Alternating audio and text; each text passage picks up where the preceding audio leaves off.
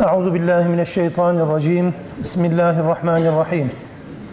الحمد لله رب العالمين والصلاة والسلام على رسولنا محمد وعلى آله وصحبه أجمعين.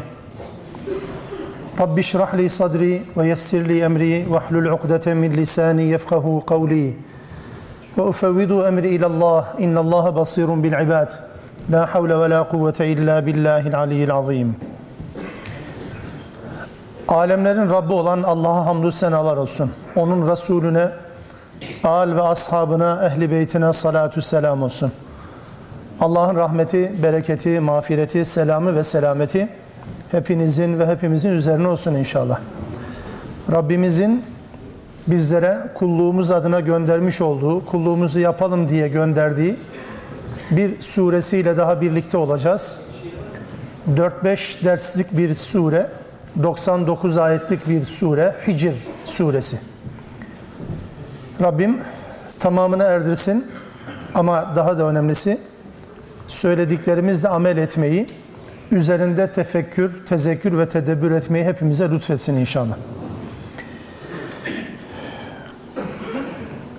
Nüzul sırasının 54 olduğunu dikkate aldığımızda bu Mekke döneminin çok da erken zamanlarına değil, son dönemlerine hatta rivayetlerin kaydettiğine göre daha çok boykotun yaşandığı, Müslümanların dışlandığı, özellikle davetçi Resulullah sallallahu aleyhi ve sellemin artık müşriklerin baskısından ve eziyetinden bezmeye başladığı, moralin bozulmaya başladığı bir dönemde inen bir sure Hicr suresi.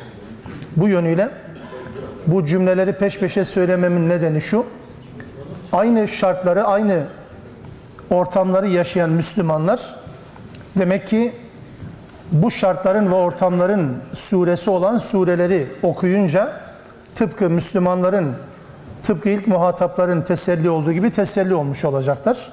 O anlamda bunları söylemek bazen gerekebiliyor. Hicr suresi ismi Hicr özellikle e, Salih Aleyhisselam'ın kavminin, Semud kavminin yaşadığı bölge, Semud kavminin helakinden kısaca söz edildiği için uzun ve detaylı bir şekilde değil, sure isimleri böyle illa da mutlaka ismi olan konunun detaylı anlatıldığı bir e, pasaj, bir sure olduğunu farz etmeyelim, öyle varsaymayalım. E, bu surede Hicr, Semud kavminin yaşadığı bölgeden bahsediliyor diye Semud kavminin bütün detaylarıyla anlatılmış olduğu anlamına gelmiyor. Tıpkı bundan önceki İbrahim suresinin İbrahim'den detaylı bir şekilde bahsetmediği gibi sadece onun dualarından söz etmekle yetindiği gibi adeta burada da böyledir. Semud kavminin bulunduğu bölge Hicr bölgesi diye nitelendiriliyor. Hicr dediğimiz bölge neresi? Allah Resulü sallallahu aleyhi ve sellemin Tebuk seferine giderken e, rivayetlerde belirtildiğinden anlıyoruz bunu. Tebuk seferine giderken Müslümanlarla birlikte uğradığı yerlerden bir tanesi yani geçtiği yerlerden bir tanesi. Hatta orada mola verdiğinden Müslümanların özellikle bu kavmin helak edilme şeklini, sebebini ve mekanlarını öğrendiklerinden ve bunun merakıyla bunun merakıyla olsa gerek gidiyorlar. Semud kavmin helak edildiği bölgede biraz oyalanmaya çalışıyorlar. Allah Resulü onları bu anlamda ikaz ediyor. Helak edilen bir e, toplumun mekanını bu anlamda gezi ve inceleme malzemesi ve konusu yapmayı Allah Resulü çok da fazla kabul etmiyor ve derhal harekete geçirilmesini, geçilmesini, sefere devam edilmesini emrediyor Müslümanlara. Bu olaydan hareketle diğer kavimlerin bulundukları mıntıkalar konusunda ki tereddüt burada bu kadar değil. Yani Ad kavmi nerededir, Lut kavmi nerededir gibi bunların mekanlarını tespit etmek için Semud kavmi gibi, Semud kavminin mekanını belirleyen rivayet gibi elimizde kesin bir rivayet yok. ya da kesine yakın bir rivayet yok. O anlamda Hicr bölgesi ve Semud kavminin helak edildiği bölge Allah Resulü'nün bu işaretiyle bir nevi kesine yakın e, anlaşılmış oluyor. Bu Semud kavminin bulunduğu bölge, tabi Semud kavminin e, ismini zikrettiğimiz zaman aklımıza gelmesi gereken bir özelliği olması lazım. Yani e, Kur'an-ı Kerim bir kavimden bahsediyorsa ya da bir karakter bozukluğundan söz ediyorsa ya da bir kavimle bir şahısla özdeşleştiriyorsa bir meseleyi, bir konuyu, bir özelliği onu en azından e, hatırlatmakta ve hatırlamakta fayda var.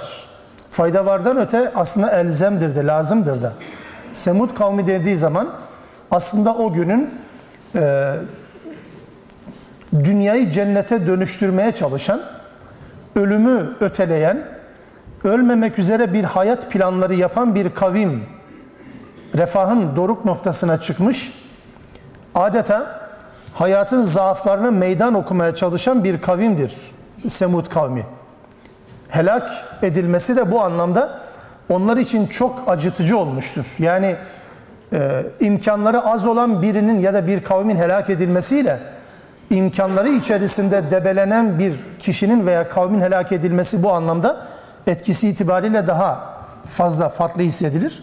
Semud kavmi bu anlamda refahın doruğuna çıkmış olan bir kavim olması hasebiyle helaki de o oranda o kadar etkileyici olmuştur insanlar, dünya insanları üzerinde. O anlamda Hicr dendiği zaman Semud kavmi, Semud kavmi dendiği zaman da bunların en azından akla gelmiş olması lazım. Hicr suresinde sadece Semud'dan bahsetmiyor, sadece Salih aleyhisselamdan bahsetmiyor elbette. Asıl konu elbette insan. İnsanı merkeze alan, tabi insanın biyolojik yapısından bahseden bir sure değil bu. Belki insanın temel özelliklerinden söz eden ayetler var. Hatta Hicr suresine özgü olarak bunu söyleyeyim. Hicr suresinde insanın yapısıyla alakalı, insanın ilk yaratılışıyla yani sonradan bir anne babadan yaratılmasıyla alakalı değil de ilk yaratılışıyla alakalı başka hiçbir surede geçmeyen özellik burada zikredilir, peş peşe anlatılır. Min salsalin min hamein mesnun. İnsanın yaratılış ta başlangıcına giderek ya da bizi götürerek böyle bir vurgu yapar. Üstelik 3 ayette ayrı ayrı 3 ayette bu zikredilir. 26. ayette Allah'ın ifadesi olarak yine 28. ayet-i kerimede yine Allah'ın ifadesi olarak ama 33. ayette Allah'ın ifadesini iblis kullanarak bunu söylüyor. Yani e, senin pişmiş çamurdan ya da şekillenmiş kara balçıktan ya da kuru bir çamurdan yarattığın insana mı secde edeceğim diye iblisin itirazından söz edilir. Dolayısıyla bu üç ayetteki tekrar başka hiçbir surede yok. Min salsalin min hamein mesnun.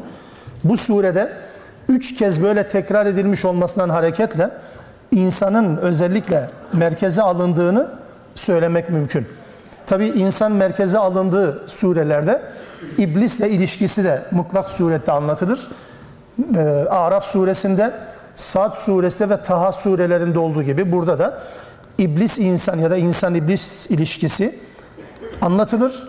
Sadece tarihte bir atıf olarak değil, tarihte sadece ilk isyan eden cin ve ilk isyan eden insan ya da ilk itaat eden insan arasındaki ilişkiden bahsetmiyor. İnsan türüyle şeytan ve şeytanlık arasındaki ilişkinin anlatıldığı konulardır bunlar. Yoksa sadece iblis ile alakalı bir anlatım biçimi değil. Bu temel konu. Onun dışında Hicr suresi 99 ayetlik bu surede Kur'an vahiy ve nübüvvet özellikle ön plana çıkarılarak anlatılır. Yani nübüvvet ve vahyi ya da Kur'an'ı ön plana çıkararak anlatıyorsa ayetler ya da sureler bu vahyin muhatabı ya da bu e, Kur'an'ın muhatabı olduğunu düşünen ya da iddia eden her kimse bu insan bu sureden mutlaka bir şeyler almak zorundadır. Nübüvvetten bahsediyorsa nübüvvetle alakalı kendisi peygamber geleceğinden değil tabii ki ama nübüvvetten bahsediyorsa bu surede ve diğer surelerde nübüvvetle alakalı bir Müslümanın ne düşünmesi gerektiğini de yani peygambere biçilen rol ile müşriklerin peygambere biçtiği rol Allah'ın peygambere yüklediğiyle muhataplarının peygamberden beklediği bunları tespit anlamında da Müslümanlar bu surelerden nübüvveti öğrenirler. Vahiy ve kitabı öğrendikleri kadar. Yine aynı şekilde bu surede kısa atıflar, çok detaylı olmamak suretiyle Hazreti İbrahim ve Lut ile Eykellerden bahseder. Bu Medyen kavminin diğer bir ismi ya da Şuayb'ın diğer Şuayb'ın kavmin diğer ismi diye söylenebilir. Bunlardan bahseder.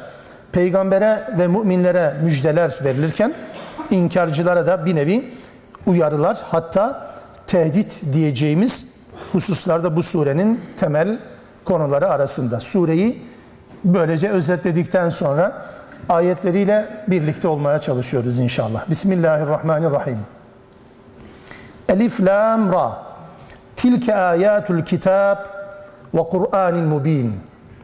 Elif Lam Ra Bunlar kitabın kendisi açık olan ve de açıklayıcı olan bir Kur'an'ın ayetleridir.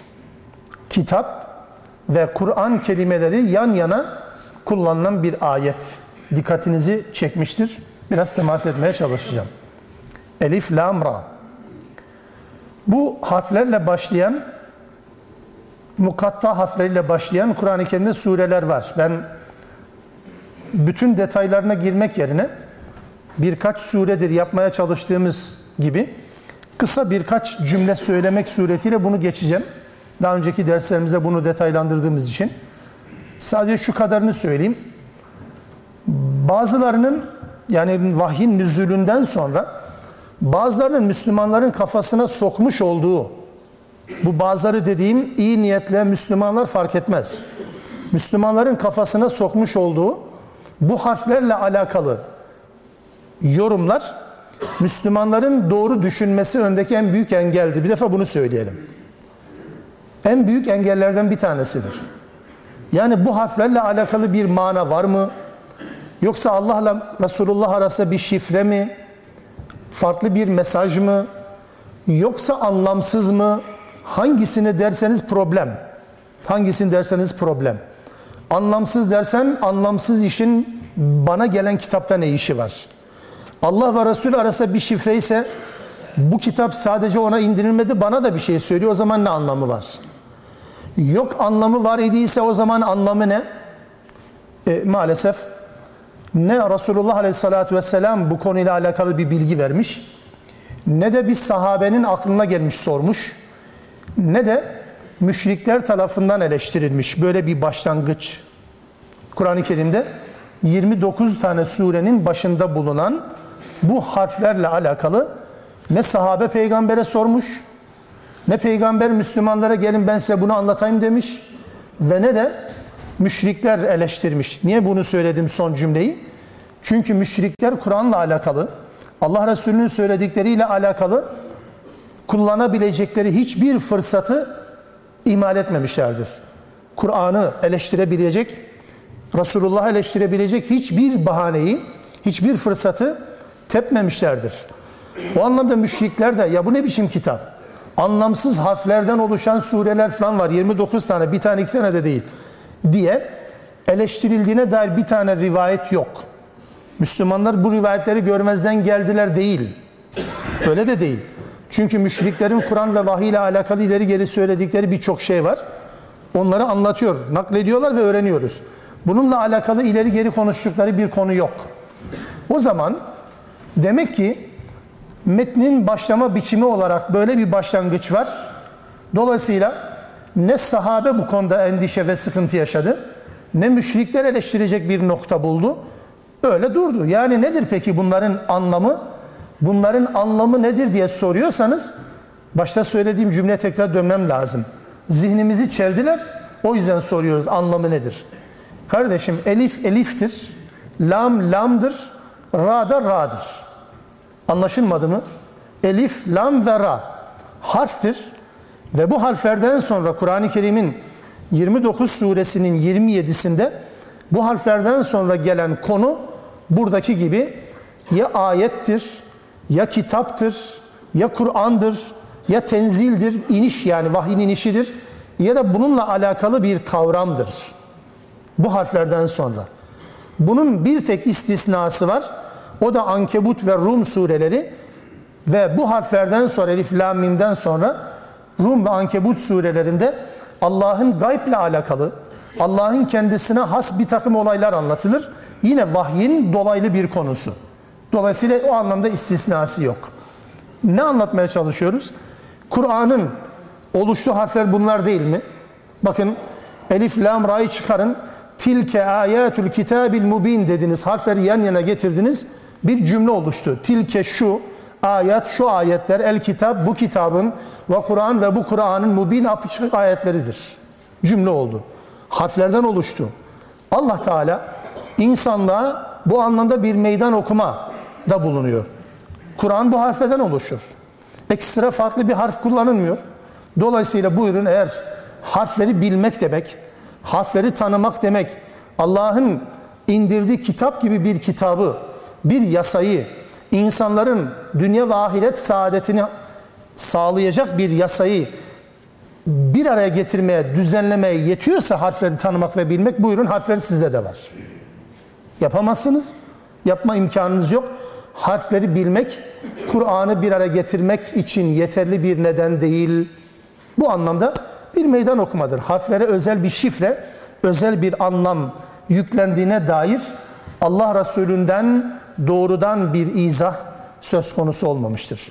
Sahabeye isnat edilen cümleme dikkat edin. Sahabenin söylediği demiyorum. Sahabeye isnat edilen kimi yorumlar var. Bu yorumların sağlık ve sıhhat derecesi öteden beri tartışılır. İnandığım şu ki bu harfler harflerdir. Eliftir, lamdır, mimdir, ra'dır, ha'dır, ya'dır, sindir. Ama bu harflerin oluşturduğu kitabın indirilişi Allah tarafındandır. Bunu becerebilme imkanı yok. Allah Teala bu noktada herkese akıl da fikir de vermiş olmasına rağmen becerme imkanı yok diye biliyoruz. Bu elif, lam, ra. Yani bu, bu, bundan fazla söylemede ihtiyacı hissetmiyorum doğrusu. Elif, lam, ra ya da elif, lam, mim, ra biçiminde başlayan sureler bir arada geldi dikkat ederseniz. Tevbeden sonra Tevbeden sonra Yunus, sonra Hud, sonra Yusuf, sonra Ra'd, sonra İbrahim ve şimdi de Hicr. Bunlar Elif Lam Ra ya da Elif Lam Mim Ra şeklinde başlayan surelerdir. Hamimler yine başka bir yerde bir arada. Elif Lam Mimler başka bir yerde bir arada. Böyle bir yapı var söz konusu. Hatta bazı alimler, selef, hale, selef alimleri, bizim öncülerimiz şöyle bir tespitte bulunmuşlar. Bu surelerle ilgili, başlangıçlarıyla ilgili olarak Elif, Lam, Ra ile ya da Elif, Lam, Mim, Ra ile başlayan sureler Kur'an'ın bostanlarıdır demişler. Bahçeleridir. O bahçelerin içerisine girin, onlardan bir şeyler devşirin anlamında bostan nitelemesini yapmışlar. Elif, Lam, Ra başlayan surelere. İşte bu Hicr suresi de Elif, Lam, Ra ile başlayan surelerin sonuncusu. Ayette dikkat çekici bir şey var dedim. Dedi ki Allah Teala Tilke ayatul kitab ve Kur'an'ın mubin. Hem kitap hem de Kur'an kelimeleri kullanıldı. Tabi Kur'an-ı Kerim'in kullandığı kitap kelimesi bizim şu anda kullandığımız kitap kelimesinden farklı. Kur'an'ın kitap dediğiyle bizim kitap dediğimiz aynı değil bir defa. Bizde matbaadan çıkmış olan bir şeye kitap denir. Doğru mu? Kur'an bu ayet ya da buna benzer ayetlerin indiği dönemde henüz bir kitap formunda değildir. Kitap olarak basılmış değil ki kitap olsun bu yönüyle. Peki nedir bu? Bu tamamen belki kitabın yazılmasına bir atıf olabilir ama neticede bu olabilir belki. Fakat asıl kitap yasa demektir, yazgı demektir. Yazılan bir metin olması şart değil. Yasaların illa da kağıtlara geçirilmiş olması şartı yok. Yasa sözlü olduğu halde de yazgı olabilir, yasa olabilir. Orhun kitabeleri dediğimiz Orhun kitabeleri dediğimiz şey de öyledir. İlla da yazılı olması şart değil. Sözlü olarak da ortaya konur. Daha sonra bir yere yazılabilir. Aslı bu anlamda kullanılır. Yazgı ve yasa demektir bu yönüyle. Bu anlamda da Kur'an ve kitap kelimeleri yan yana gelince müfessirler epey uğraşmışlar. Kimisi demiş ki aslında hem kitap ile hem de Kur'an ile kastedilen bu suredir. Yani Hicr suresidir. Bu sureye hem kitap hem de Kur'an denmiştir. Bu ayetlerden bahsediyor denmiştir. Ama şu kanaat biraz daha net olması lazım. Çünkü e, Kur'an-ı Kerim'de Türkçe itibariyle bizim aynı şekilde tercüme etmeye çalıştığımız iki tane kelime yan yana kullanılmaz. Bunu özellikle altını çizerek belirteyim. Kur'an'da iki tane kelime yan yana aynı anlamda kullanılamaz. Buna teradüf denir. Müteradif ya da eş anlamlı kelime dediğimiz. Kur'an bunu yapmaz. Kur'an bunu yapmaz. Beşer bunu yapar. Edebiyat parçalamak için benzer kelimeler yan yana koyabilir. Ama Kur'an bunu yapmaz. Yan yana kullanılan, Türkçe'de aynı gibi çevrilen kelimelerin bilelim ki aynı anlamda olmadığını bilelim. Çünkü dilimizin kısırlığı veya darlığı o kelimeye doğru bir anlam vermemize engel olur. Mesela Kur'an'da bu anlamda çok örneği var. Va'fu anna vagfir lena. Her zaman okursunuz, okuruz. Va'fu anna vagfir lena. Bizi affet, bizi bağışla. Affet Arapça, bağışla Türkçe. Ne anlama geldi acaba? Çevirdik mi şimdi? Affetmek ayrıdır, mağfiret ayrı bir şeydir. Dolayısıyla iki tanesini aynı anlamda kullanmaz Kur'an-ı Kerim. Onu siz kullanıyorsunuz, onu biz kullanıyoruz. Doğrusu bu değil. Anlamı verilmediği sürece de sanki eş anlamlı gibi zannedilir. Madem söyledik kelime o zaman anlamı da söylemeden geçmeyelim değil mi? Merak olacak. Va'fu anna affetmektir. Yani bu anlamlardan bir tanesini sadece söylemeye çalışıyorum. Affetmek yani günahı tamamen silmektir. Ama mağfiret etmek günahın değerini silmektir. Üstünü çizmektir adeta. Bir yazı tahtası düşünün. Tahtaya yazdınız yazdınız. Silgiyle sildiniz. Hiç eseri görülmez. Yazdığın yazdığın hiç eseri görülmez. Bu aftır. Ama bir satır yazı yazdınız. Silecek silginiz yok veya var da silmiyorsun. Üzerine bir kalemle çizdiniz. Kalemle çizmiş olmanız, çarpı çekmeniz ne demektir? Bu cümle geçerli değil demektir. Ama cümleyi okuyabiliyorsunuz değil mi? Mağfiret de budur. Müslüman Allah'a diyor ki Ya Rabbi vallahi ben af istiyorum. Hepsini sil. O yetmezse bana mağfirette uyar. Bu. Beni bağışla. Günahım etkisiz olsun da cezam olmasın da ne olursa olsun ama hiç görülmemesi tabii ki tercihimdir der gibi bir şeydir. Mesela innellezine keferu ve kezzebu keferu ve kezzebu küfredenler, yalanlayanlar aynı mı? Asla aynı olmaz. Asla aynı değil. İkisi de inkar değil ya. Kefera yalan, kefera inkar etmektir. Küfretmektir. Ama kezzebe bir şeyin doğruluğunu bildiği halde, bir şeyin doğruluğuna kanaat getirdiği halde değilmiş gibi davranmaktır. Bir defa günah işlemekten bahsetmiyorum. Sürekli bir karakter haline getirmektir bu. Yalanlamak mesela. Dolayısıyla buraya geldiğimiz zaman kitapla Kur'an yan yana kullanıldığına göre aynı anlamda değil bu. Her iki kelimeyle kastedilen farklıdır. Her kelime ile kastedilen şey farklıdır. Belki Kur'an'dır. Belki Kur'an'ı kastediyor ama birisi Kur'an'ın okunma biçimine, birinin Kur'an'ın yazılı biçimine işaret ediyor olabilir neticede ama asla ve kata aynı kelime değildir. Birisi Kur'an'ın yazılı biçimine, yazılma biçimine bizim yazdığımız şekli demiyorum sadece. Allah tarafından dikte ettirilmesine, yazdırılması biçimine atıftır.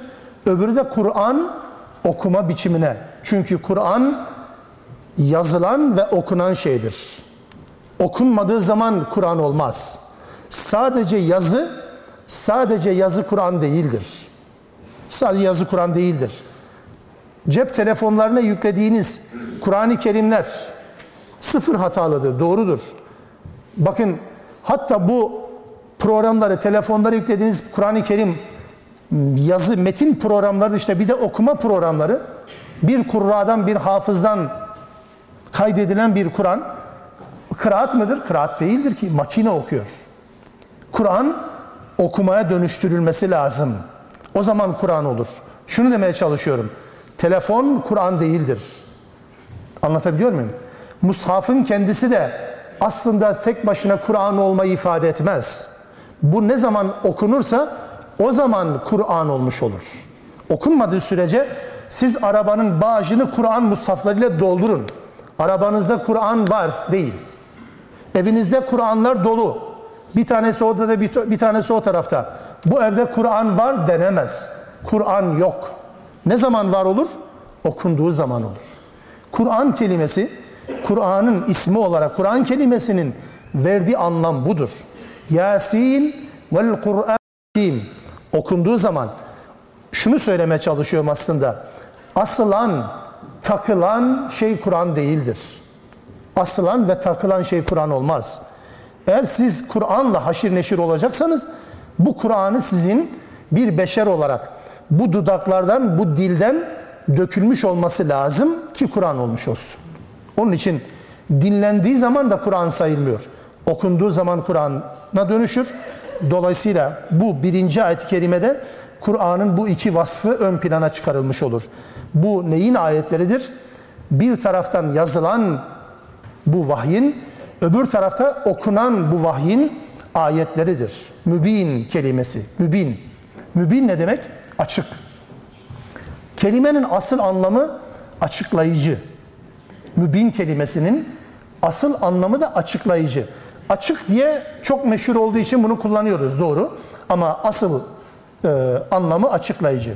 İkisi, iki anlamı birden çağrıştırma imkanı var mı? Var tabii ki.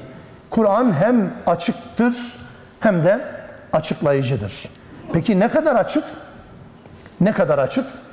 Ayatin beyinat, apaçık ayetler der mesela.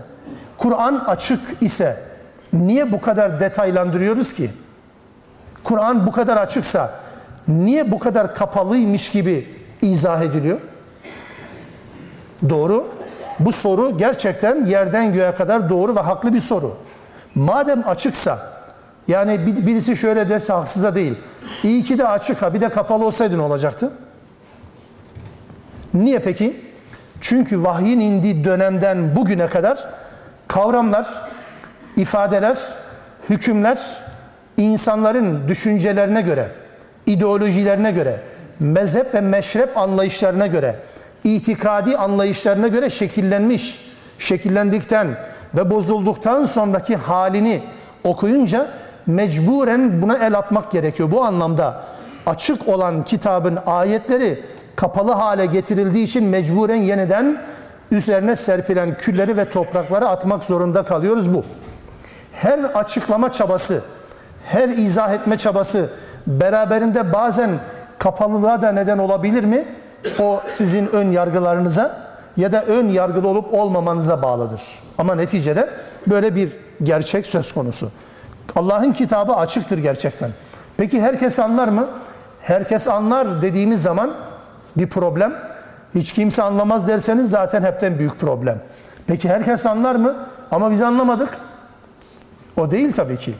Kitap açıktır ama kendisini anlamak isteyenlere kendisini açar.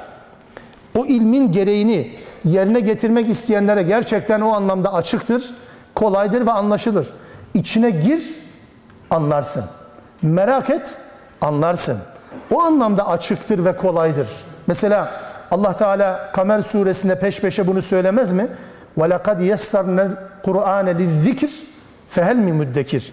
Öğüt alan yok mu diyor. Biz Kur'an'ı Kur'an'ı öğüt için gündemde tutmak için kolaylaştırdık.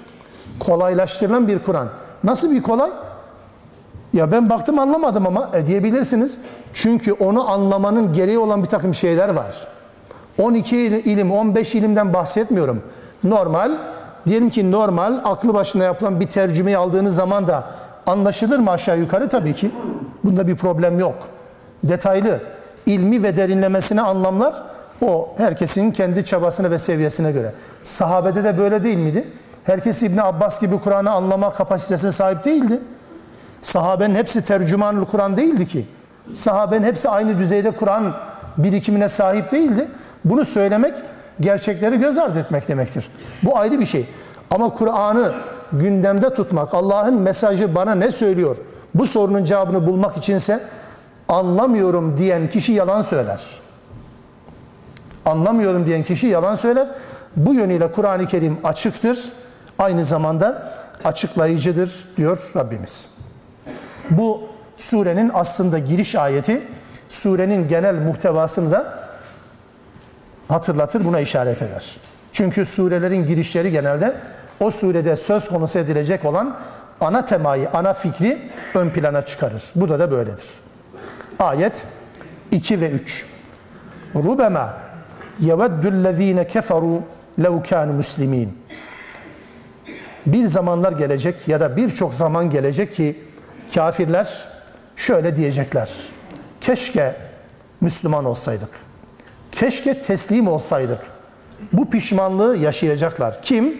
Kafir olanlar, küfredenler. Bir zaman gelecek ya da nice zamanlar gelecek. Kafirler vahiy karşısında pişmanlıklarını ortaya koyacakları bir zaman gelecek. Zarhum bırak onları. Aldırma onlara. Ye'kulu ve yetemetta'u yesinler. Yemeyle uğraşsınlar. Faydalansınlar dünya metaından. Ve yulhihimul emelu fesevfe ya'lemun. Ve arzu ve emelleri de arzu ve idealleri, emelleri de onları oyalayıp dursun bırak onları. Yakında nasıl olsa ya'lemun gerçeği görecekler. Anlayacaklar. Neticede çok uzun bir zaman gerekmiyor bu gerçeği anlamak için. Hiç çok uzun bir zaman değil. Allah Teala bu cümleyle aslında tehdit ediyor. Kitabın ayetleri açık. Kur'an'ın ayetleri açık ve açıklayıcı. Buna rağmen insanlar inkar ediyorlarsa bunu bilsinler ki yakında bu pişmanlığı hissedecekleri zaman gelecek ve böyle insanlarla muhatap olursanız ya da olursan o zaman yapacağın şey onları kendi hallerine bırak. O yalansınlar, yesinler, içsinler. Yakında anlayacaklar ne olacağını, ne olmadığını. Ne zaman anlayacaklar peki bunu? Ya da ne zaman bu pişmanlıklarını ve hasretlerini ortaya koyacaklar? Ölüm sırasında mı? Kesinlikle. Her ölen, her ölen öldü sırada bu pişmanlığı yaşar mı? Yaşar tabii ki. Yani bunu konuşan ben ölüp de gelip size bunu anlatmıyorum ki tecrübeyle söylenecek şey değil. Canları ve ruhları alan Allah bunu söyler. Herkes bu pişmanlığı sergiler. Zaman zaman söylüyoruz ya, nereden bileceğiz? Vallahi ispat etme, ikna etme gibi bir imkanımız da yok. Öyle bir mecburiyetimiz de yok. Ölünce görüşürüz. Bu kadar net. Herkes pişman olur. Herkes neden yapmadığına ya da herkes neden daha fazla iş yaptığı, yapmadığına, neden daha fazla Allah'a yakınlaşma çabası göstermediğine pişman olur. Ölüm sırasında, kıyamet sırasında zaten herkes yine. Ya da ahirette Müslümanların cehennemden kurtulduklarını gördükleri zaman, onların azaba maruz kalmadıklarını gördükleri zaman, kendilerinin de helake doğru gittiklerini anladıkları zaman pişmanlık olacak mı? Kesinlikle. Ölürken kıyamette veyahut da dirildikten sonra ahirette. Hani Furkan suresinde de bu tabloyu anlatırken Allah Teala diyor ya يَوْمَ يَعَدُّ الظَّالِمُ عَلَى يَدَيْهِ يَقُولُ Zalimi bir görsen o gün parmaklarını ısırır. Ellerini ısırır. Ve sonra der ki ya leyteni ittehaztu ma'ar rasuli sebila. Keşke Resul'le birlikte bir yol tutsaydım. Ya veyleta. Veil olsun bana, yazıklar olsun bana ki leyteni lemettehiz fulanen halila. Keşke falanı dost edinmeseydim. Keşke falanla arkadaş olmasaydım diyecekleri bir gün gelecek. Furkan 27-28. ayette bu tabloyu Rabbimiz somut ve müşahhas bir şekilde ortaya koyar. Kıyamette ya da ahirette ya da ölürken tartışmasız. Ama bunun daha çok anlamının şu olduğu kanaatini de paylaşayım. Çünkü asıl olan da bu olsa gerek. Bunu bizim görmemiz. Diğeri zaten şeksiz ve şüphesiz. Yakında kafirler keşke biz de Müslüman olsaydık diye pişman olacakları, hasret çekecekleri zaman gelecek derken kastedilen dünyada olması lazım kardeşler. Yani bir azapla karşılaştıkları zaman, bir musibetle karşılaştıkları zaman Müslümanın güzel bir durumunu gördüğünde keşke biz de Müslüman olsaydık ya. Biz de bu ceza maruz kalmasaydık diyecekleri zaman olmalı. Olur mu? Tabii ki. Tabii bunun olabilmesi için iki tarafın birisi biz yani Müslümanlar. Anlatabildim bunu? Yani bu pişmanlığı ortaya koyabilecek, bu pişmanlığı dile getirebilecek bir insanın var olması için Müslümanın da haline imrenilmiş olması lazım değil mi? Müslümanın halinin de imrenilecek bir hal olması gerekmez miydi? Yoksa zaten her musibet sırasında herkes zaten pişman olur. Daha dün eğlence mekanları ya da diskotekler tarandı, insanlar bir felaket yaşadılar. Ölenler öldü gitti. Bir de kalanlar ya diyor tam o sırada Muhammed'in Allah'ına dua ettim diyor. Ne demekse Rabbime değil, kendi Rabbine değil Muhammed'in Allah'ına. Akla gelir mi? Gelmek zorunda zaten. Başka çaresi yok ki çünkü. Halbuki oraya giderken zaten Muhammed'in Allah'ının istemediği bir yere gitmiş ama problem değil ki. Ama o sırada akla gelir ve pişmanlık duyabilir. Yani mesela o halde ölmediğine kesinlikle şükretmişlerdir. Bakın bu kadar melanete rağmen, bu kadar isyana rağmen o halde ölmediklerine yine şükreder. Çünkü niye bir şeyler var. İşte bu pişmanlıktır. İnsanlar ön yargılarına esir olduklarından dolayı hakikatleri bir türlü göremiyorlar. Tabii bir de Müslümanlara bakarak ya biz de keşke sizin gibi olsaydık diyecekleri bir Müslüman yaşantı olması lazım. O yoksa tabii hangi kafire bunu dedirteceksiniz? Keşke biz de Müslüman olsaydık imrenilecek. Hani Bakara suresinde şöyle bir ifade kullanılır. Onu okuyup geçiyoruz da tekrar hatırlatayım. وَاِذَا قِيلَ لَهُمْ آمِنُوا كَمَا آمَنَ النَّاسِ Şu insanların iman ettiği gibi iman edin denildiği zaman şu insanların iman ettiği gibi iman edin denildiği zaman o iki yüzlü insanlar, kaypak insanlar ne derler? قَالُوا اَنُؤْمِنُوا كَمَا آمَنَ السُّفَهَا Şu kendini bilmezlerin inandığı gibi mi iman edelim derler. Allah da diyor ki asıl kendini bilmez olanlar onlardır der. Ben bu cümleyi niye hatırlattım şimdi? وَاِذَا قِيلَ لَهُمْ آمِنُوا كَمَا آمَنَ النَّاسِ Şunlar gösterilen kim? İman konusunda örnek ve model alınması gereken kişi. Şunların iman ettiği gibi iman edin. Ben bu cümleyi kendime söylüyorum ve sesli düşünerek ifade ediyorum size. Acaba birilerine şunun gibi Müslüman ol denilecek bir kalitede Müslüman hayatım var mı? Bunu hepinizin düşünmesini isteyeceğim. Çünkü olması gereken bu zaten. Yani İslam'ı bak Allah'a, bak peygambere diyeceğimiz bir model yok. İslam bir rol model üzerinden öğrenilir. Dün aleyhissalatü vesselam'dı. Onun seçkin sahabesiydi. Yolumuza düşen, önümüze düşen rehberlerdi. Kandiller de onlar. Arkasından gelen Müslümanlardı. Ya bugün her bir Müslüman bunun adayı olmak zorunda değil mi Allah aşkına? Gösterilmek zorunda değil miyiz? Yani şuna bak da Müslüman ol denilecek bir Müslüman olması gerekmez mi her bir Müslümanın? O anlamda kendimizin muhasebesini yapmış olalım. Yoksa kafirlerden bahseden ayetleri okuyup geçmek çok kolay. Çok kolaydır. Ama bu ayetleri biraz da kendimize çevirip bakmamız ve değerlendirmemiz, okumamız, anlamamız lazım. Ayette dedi ki zarhum zarhum bırak onları diye çevirdik. Bırak onları. Peki bu cümle bu şekilde kullandığımız zaman şöyle bir sonuç çıkmaz mı? Ayet Allah Resulüne bezdikten, bıktıktan, usandıktan sonra bırak onları terk et, ne halleri varsa görsünler anlamında mı? Oysa Resulullah'ın yaşadığı süre içerisinde hiçbir kimseye karşı bundan adam olmaz dediğine dair bir tavır göremezsiniz. Yok. Var mı? Yani ben bunu anlattım 10 senedir boş ya. Teneke, çıkmaz bir şey dememiştir. Demediği gibi terk etmemiştir. Peki ayet ne söylüyor? Bırak onları derken tebliğ mi bırak? Uyarmaktan vazgeç anlamında mı? Değil tabii ki. Yani bu bir nevi aldırma. Kendi işine devam et. Bu özellikle bir Müslüman olarak, dün bir peygamber olarak, bugün bir Müslüman olarak şunu bilmemiz lazım, bilmem lazım.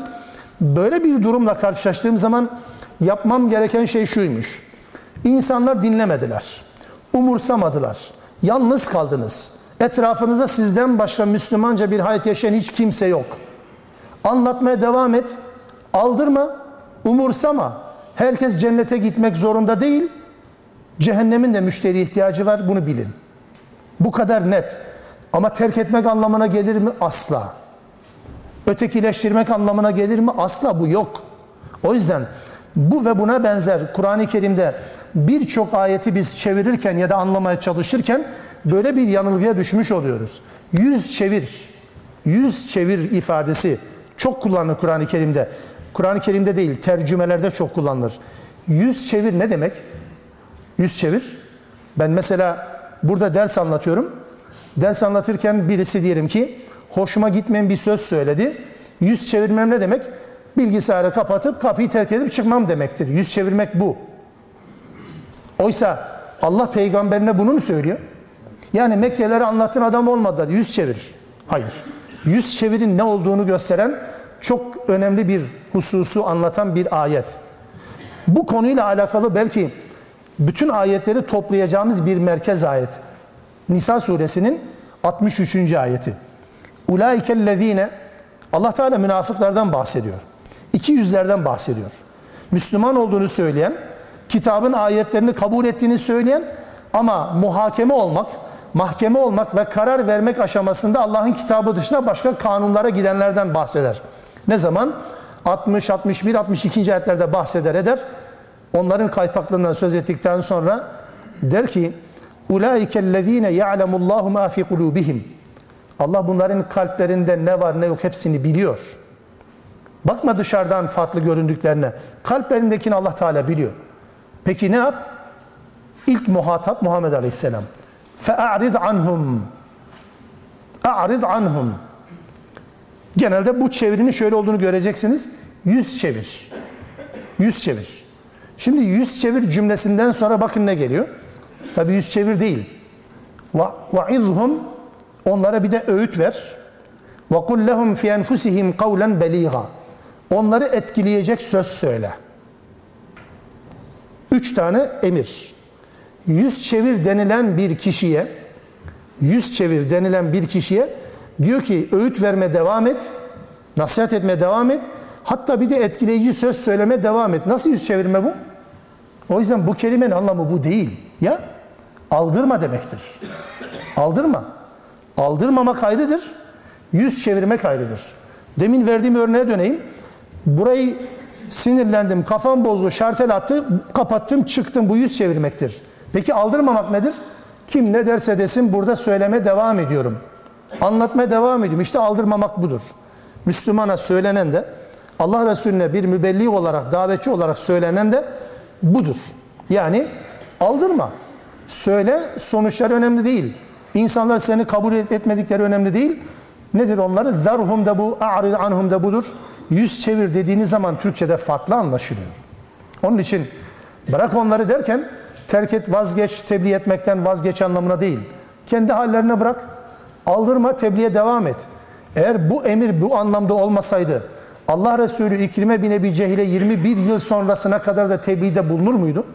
21 yıl sonra da İkrime Müslüman oldu.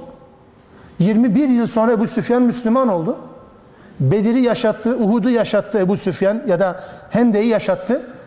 Buna rağmen Ebu Süfyan hala ümitsiz vaka değildi. Vazgeçmedi, yüz çevirmedi. Sadece ne yaptı? Ebu Süfyan orada iş yapmaya çalışıyor. Aldırmayacaksın. Anlatmaya ve iş yapmaya devam. Onlar böyle yapıyor diye moral bozma, yapacağın şeylerden vazgeçme anlamına. Budur. Bırak onları yesinler, içsinler, emelleriyle oyalansınlar. Biraz da yeme ve içmeyle emel oyalanma acaba kötü bir şey mi? Hayır. Yeme içme dünyadan faydalanma mı yasaklandı? Kesinlikle hayır öyle değil. Burada özellikle tuli emel dediğimiz şey eleştirilir. Tuli emel. Çünkü çünkü Hazreti Ali kerramallahu vecehin söylediği bir ifade var. İnsanlar insanların dünya malına bağlanmaları onları ahireti unutturur der. Dünyaya, mala aşırı bağlılık insanlara ahireti unutturur. Şekilada görüldüğü gibi. Görülür tabii böyledir. Ahireti unutturur. Yoksa dünya malıyla ilgilenmek anlamında değil. Bu yasak değil. Burada da Allah Resulü'nün bir hadisini hatırlamadan geçmiyoruz değil mi? Adem oğlu ihtiyarlarken, yaşlanırken onda iki şey sürekli genç kalır. Birisi mal tutkusu, öbürü de tuli emel. Yaşlandıkça mal tutkusu artar. Yaşlandıkça daha çok hayattan zevk alma, daha çok yaşama arzusu artar. Bu bir vakadır, bu bir tespittir, nebevi bir tespittir. Elbette yaşamak, istemek kadar doğal bir şey yok. Elbette dünya malına sahip olmak kadar tabii bir şey yok. Allah'ın süs ve aksesuar olarak nitelendirdiği bir şeydir. Bu ayrı bir konu. Ama Allah'ın kitabına ulaşmaya engel oluyorsa bu tuğli emel, bu imkanlar eğer insanların Kur'an'la buluşmasını değil de Kur'an'dan uzaklaşmasını sağlıyorsa işte bu bırak onları oyalansınlar yakında anlayacaklar. İnsanlar öleceği zaman anlayacaklar, dirilecekleri zaman anlayacaklar. وَمَا أَهْلَكْنَا مِنْ قَرْيَةٍ اِلَّا وَلَهَا كِتَابٌ مَعْلُومٌ Peki niye insanlar helak olmuyor? Niye insanlar bu kadar debdebe, şaşa, tantana içerisinde bir hayat yaşıyorlar da hiç kılları kıpırdamıyor, bir zarar da gelmiyor?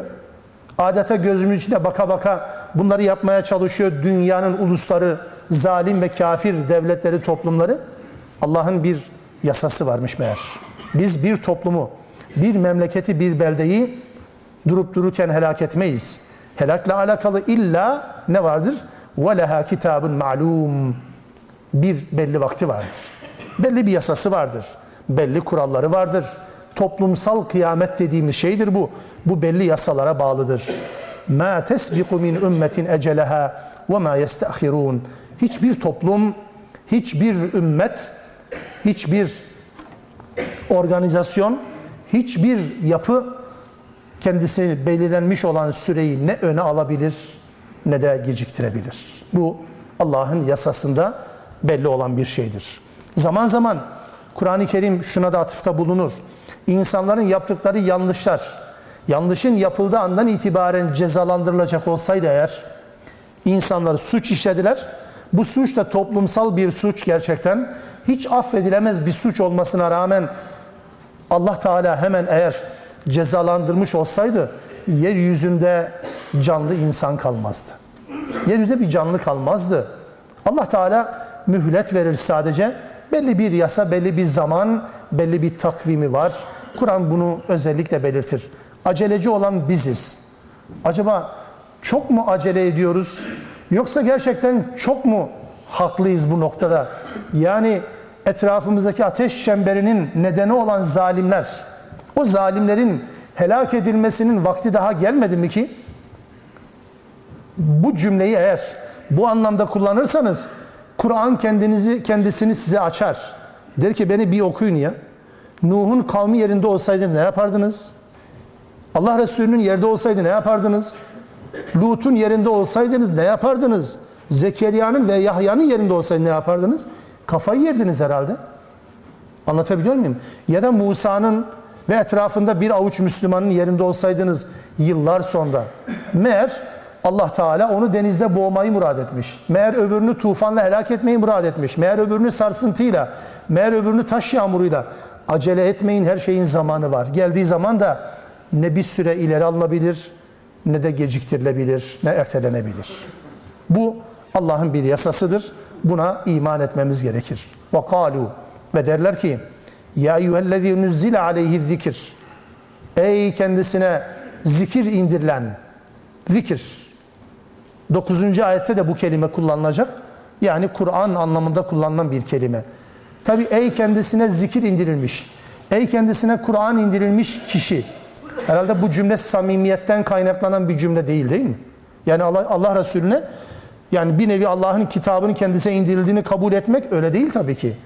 O anlamda tercüme dikkat ederseniz alay ederek derler bunu. Ey kitabın kendisi indirildiği güya kişi demektir. İnneke le mecnun. Alay ederek dedikler nereden çıkardık? İnneke le mecnun. Çünkü sen bir mecnunsun. Lev ma te'tina bil melaiketi in kunte minas sadikin.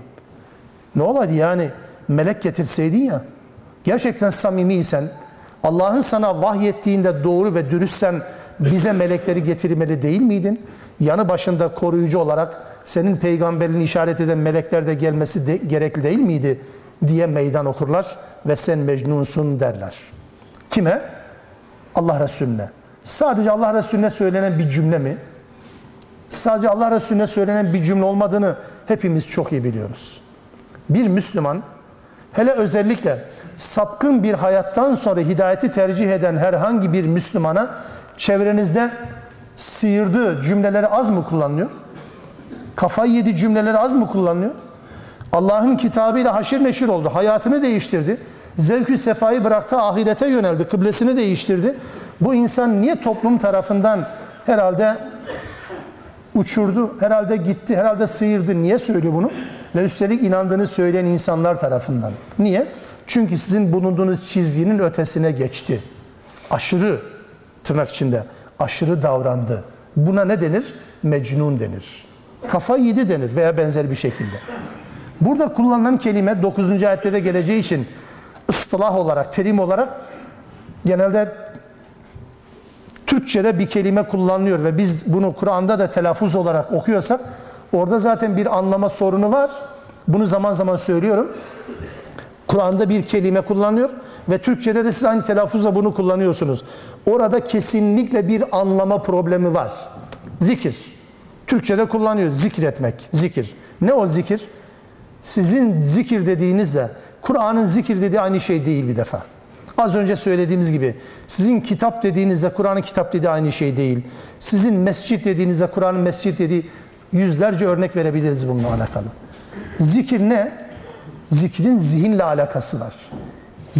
zikrin kalple alakası var. Zikrin düşünceyle, tefekkürle alakası var. Zikrin dille alakası sadece telaffuzdan ibarettir, asıl değildir.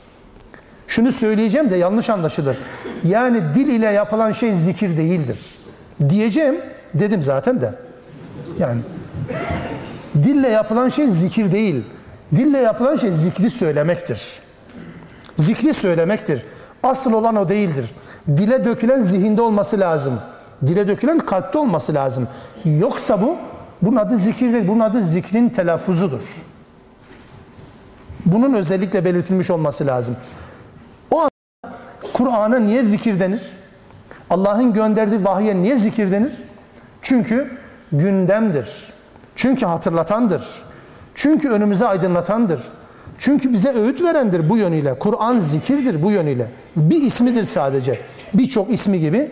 Bir ismidir zikirde ve Kur'an'ın gündem. Mesela aynı şey leallekum tezekkerun ya da leallehum yetezekkerun gibi tezekkür ederler, zikir ederler. Yani Düşünürler mi? Tefekkür değil. Gündemde tutarlar. Zihinlerinde tutarlar, canlı tutarlar. Allah'ın kitabını gündeme taşımanın gerektiğini anlatan bir ifadedir. Zikir özelliği. Allah'ın kitabını gündemde tutmanın bir ifadesidir. Başkalarının oluşturduğu suni gündemlerle Müslümanlar oyalanıp giderler. Hatta bazıları da Kur'an'ın içerisinden bazı meseleleri cımbızlayarak gündem oluştururlar.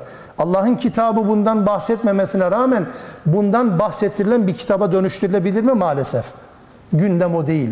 Mesela Hicr suresine başladık diye söylüyorum. Hicr suresinin hangi ayeti gündeme geldi? 9. ayeti çok gündeme geldi onu biliyoruz. Yani Kur'an'ı biz indirdik onu koruyacak biziz. Çok gündeme getirilen bir ayettir. Peki önceki 8 ayet, sonraki 91 ayet niye yok gündemde? Lazım olmaz mı? Hayır, lazım yok. Lazım değil. Gerçekten lazım değil. Lazım olsaydı gündeme getirecektik bunu ya. Lazım olsaydı birileri konuşurdu. Birileri buna sıra getirirdi ya. Kıytırık meseleler toplamda ayetten çıkan mesele değil. Ayetin falan tarafından falan tarafından yapılan yorumunun yorumunun yorumunun yorumunu bana din olarak anlatıyor. Buna sıra geliyor ama Hicr suresine sıra gelmez. Zikir bu işte. Zikir budur. Kur'an konuyu kendisi belirler. Gündemi kendisi belirler. Belirlenen gündemin peşine takılan kitap değildir. O yüzden zaman zaman söylüyorum, yeniden hatırlatan ve söyleyeyim.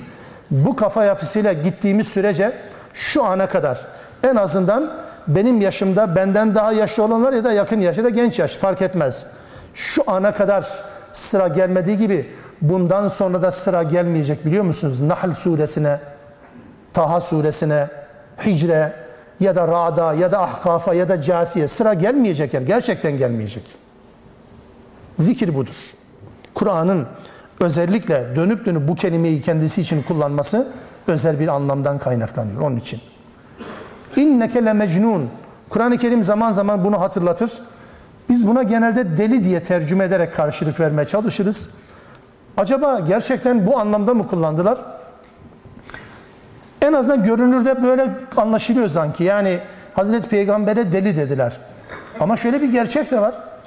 Yani o toplumda da bugün de yarın da öteden beri ve yarına kadar da deli denilen kimselerle alakalı bir mükellefiyet var mı? Yani deli bir suç işlediği zaman ceza alır mı? Hayır. Bir insana en büyük hakaret yapsa bile insan onu muhatap almaz ki. Duymazdan gelir ya çünkü delidir ne yapsa yeridir zaten. Ama Allah Resulüne mecnun yani eğer deli dedilerse bu ne biçim ifade ki deli dedikleri bu insanın bir çift sözünü bir türlü hazmedemiyorlar. Gelin la ilahe illallah deyin deyince kıyamet kopuyor. Nasıl oluyorsa. Deli madem deli. Onun için bu anlamda değil. Yani sıyırmış, kafayı tamamen kaybetmiş, akli dengesi bozulmuş anlamında öyle değil. Mecnun cinlenmiş. Bir nevi hani o dönemde de daha çok yaygın olduğu üzere şairlerin ve kahinlerin irtibatlı olduğu bir kesimdir cinler. Şairlerin ve kahinlerin irtibatlı olduğu bir kesim.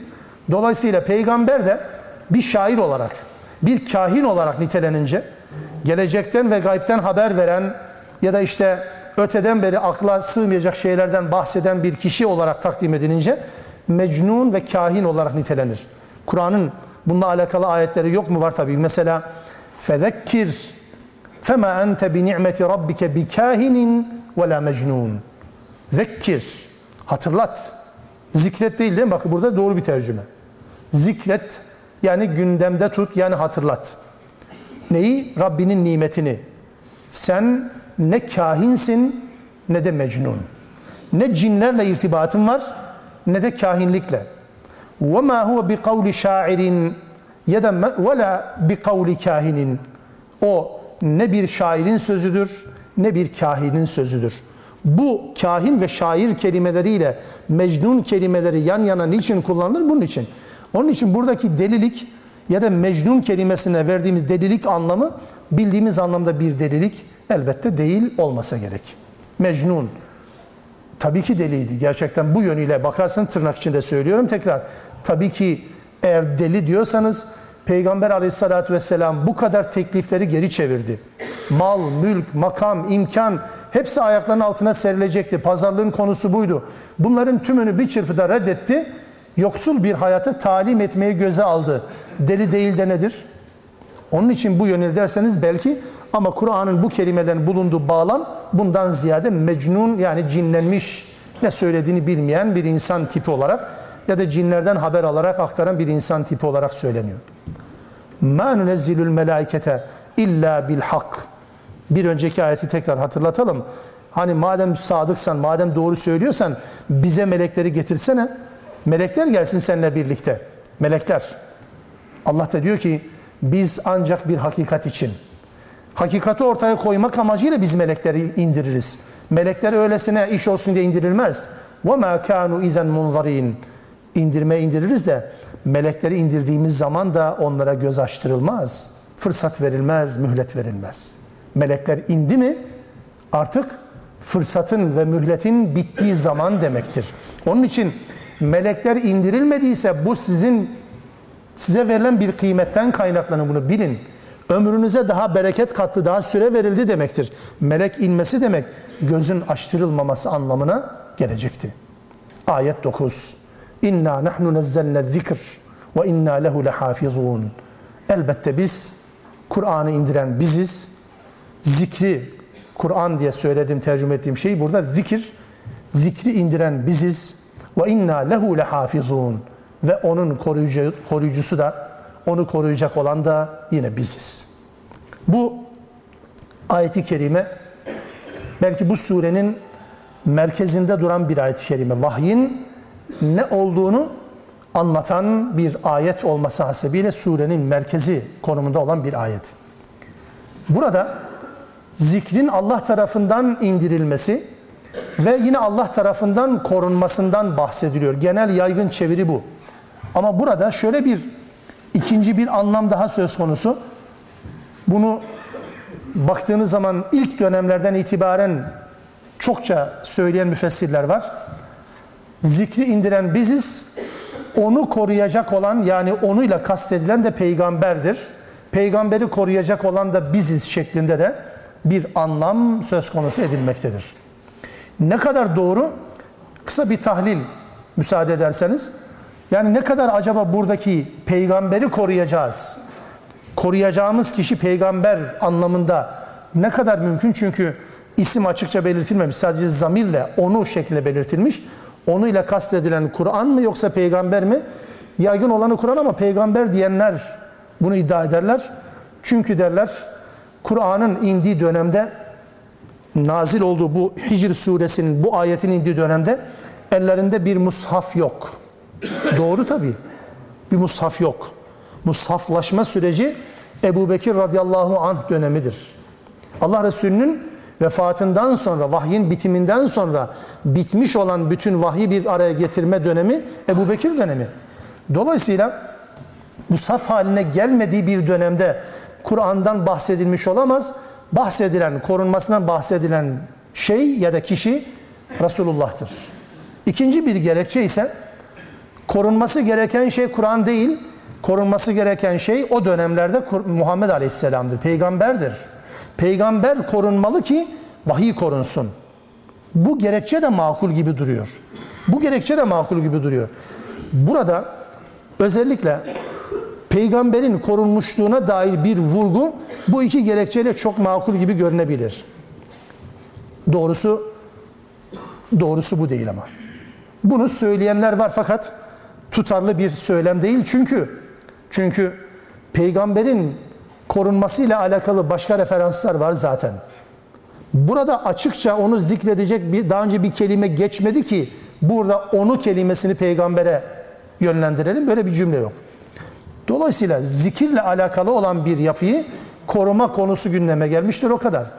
Peygamberin korunması, vahyin korunması için şarttır cümlesi doğrudur gerçekten. Fakat peygamber niye peygamberlik yapıyor ki? Neticede vahyin korunmasıyla alakalı değil mi? Yoksa korunmayla kastedilen mushafın arasındaki cümleler değildir sadece. Sadece bu değil. Az önce söylediğimle çelişmemek adına bakın tekrar söylüyorum. Kur'an sadece kağıtta yazılı olan yazıdan ibaret değil. Ve korunması istenen ya da korunması taahhüt edilen şey sadece bu lafız değildir. Sadece bu lafızın korunması değil. Yani Kur'an'ın kağıtları ve yazısı değil mesele ya. Vahyin korunması ayrıdır. Kağıdın ve yazının korunması ayrıdır.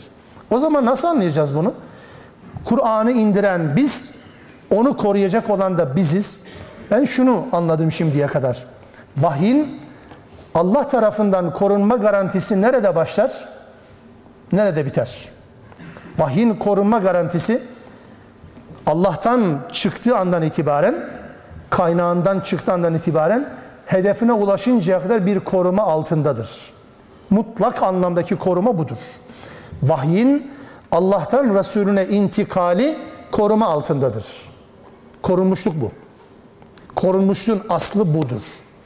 Sonraki aşama insanlar tarafından korunur hale getirilmesi ise yani insanların diline, insanların kağıtlarına, yazdıklarına yansıdıktan sonraki şeklini korumak da evet var.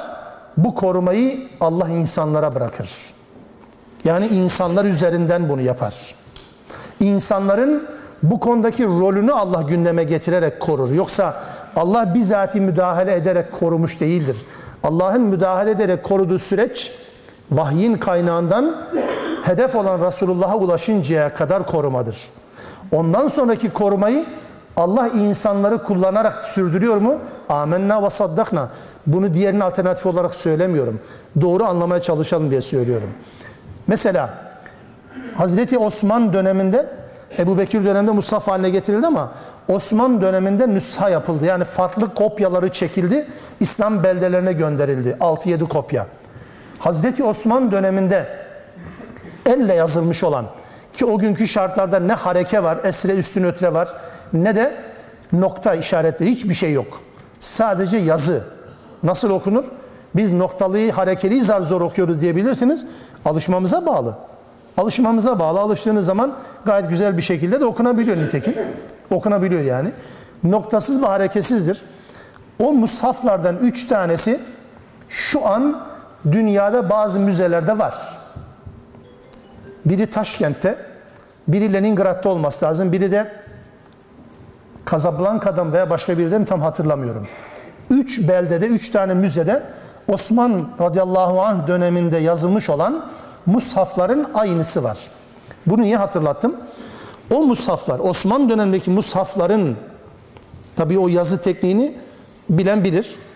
O mushaflarda yazılan metinle bugün herhangi bir şekilde elimize aldığımız mushaftaki bir metin arasında bir fark yok. Aradan 1400 küsür yıl geçmiş olmasına rağmen hiçbir fark yok. Sadece nüans farkları var. Ne farkları o? Kıraat farklılıkları dediğimiz şeylerdir. Doğru, sahih kıraatlar anlamı tepeden tırnağa değiştiren, kökten değiştiren farklılıklar değil, nüans farklılıkları. Bir nevi bir nevi diyorum yanlış anlaşılmasın. Şive ve lehçe gibi farklılıklar gibi düşünülebilir. Öyledir demiyorum. Onun gibi düşünülebilir. Kur'an'ın ilk nüshalar ile son nüshalar arasında bu anlamda hiçbir fark yok. Bu da nedir? E korunmuşluğunu gösteren bir gerekçe değil midir? Dünyada böyle bir örnek yok. Dünyada böyle bir örnek yok. Bu kadar uzun süre aslını muhafaza etmiş, değişikliğe uğramadan bugüne kadar gelmiş olan 14 asır değişmeden kalmış olan başka bir örnek kitap yok elbette. O yüzden Kur'an'ın korunmuşluğunun iki aşamasından bahsediyoruz. Allah'ın peygambere ulaştırıncaya kadar koruma altındadır. Hiç kimsenin müdahalesi yok. Cinlerin, şunların, bunların müdahale söz konusu değil. Kimse değiştirmemiştir, kimse müdahale edememiştir. Peygambere ulaşıncaya kadar. Peygambere ulaştıktan, musaf haline geldikten sonra da kıyamete kadar insanlar üzerinden bu korunacaktır. Ve korunuyor da nitekim. Sadece musaf üzerinden değil. Dünyada hafızlığın bittiği bir dönem yoktur.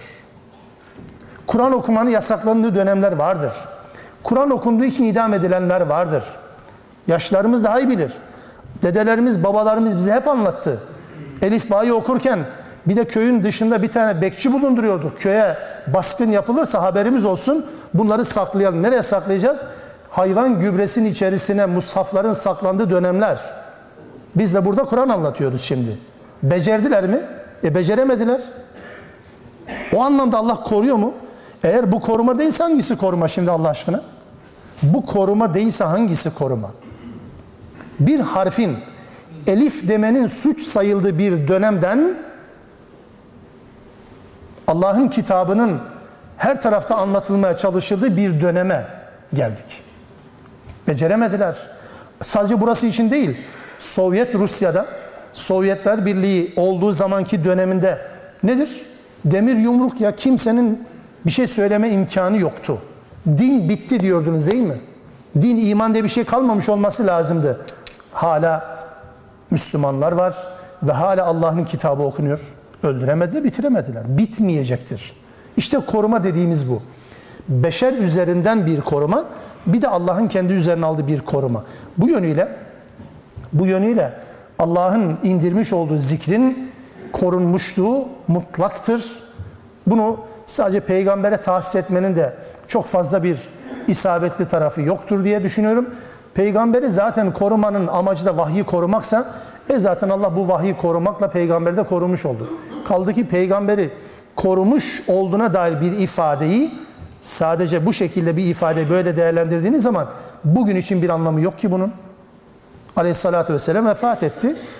Korumadı yani vefat etti. Vefatına da Allah Teala bir nevi göz yumdu demek gerekecek neticede ama vefat etti gitti. Korunmuş olan Allah Resulü'nün kendisinden ziyade onun Resul olmasını anlamlı kılan şey vahiy, vahyin korunmuşluğudur.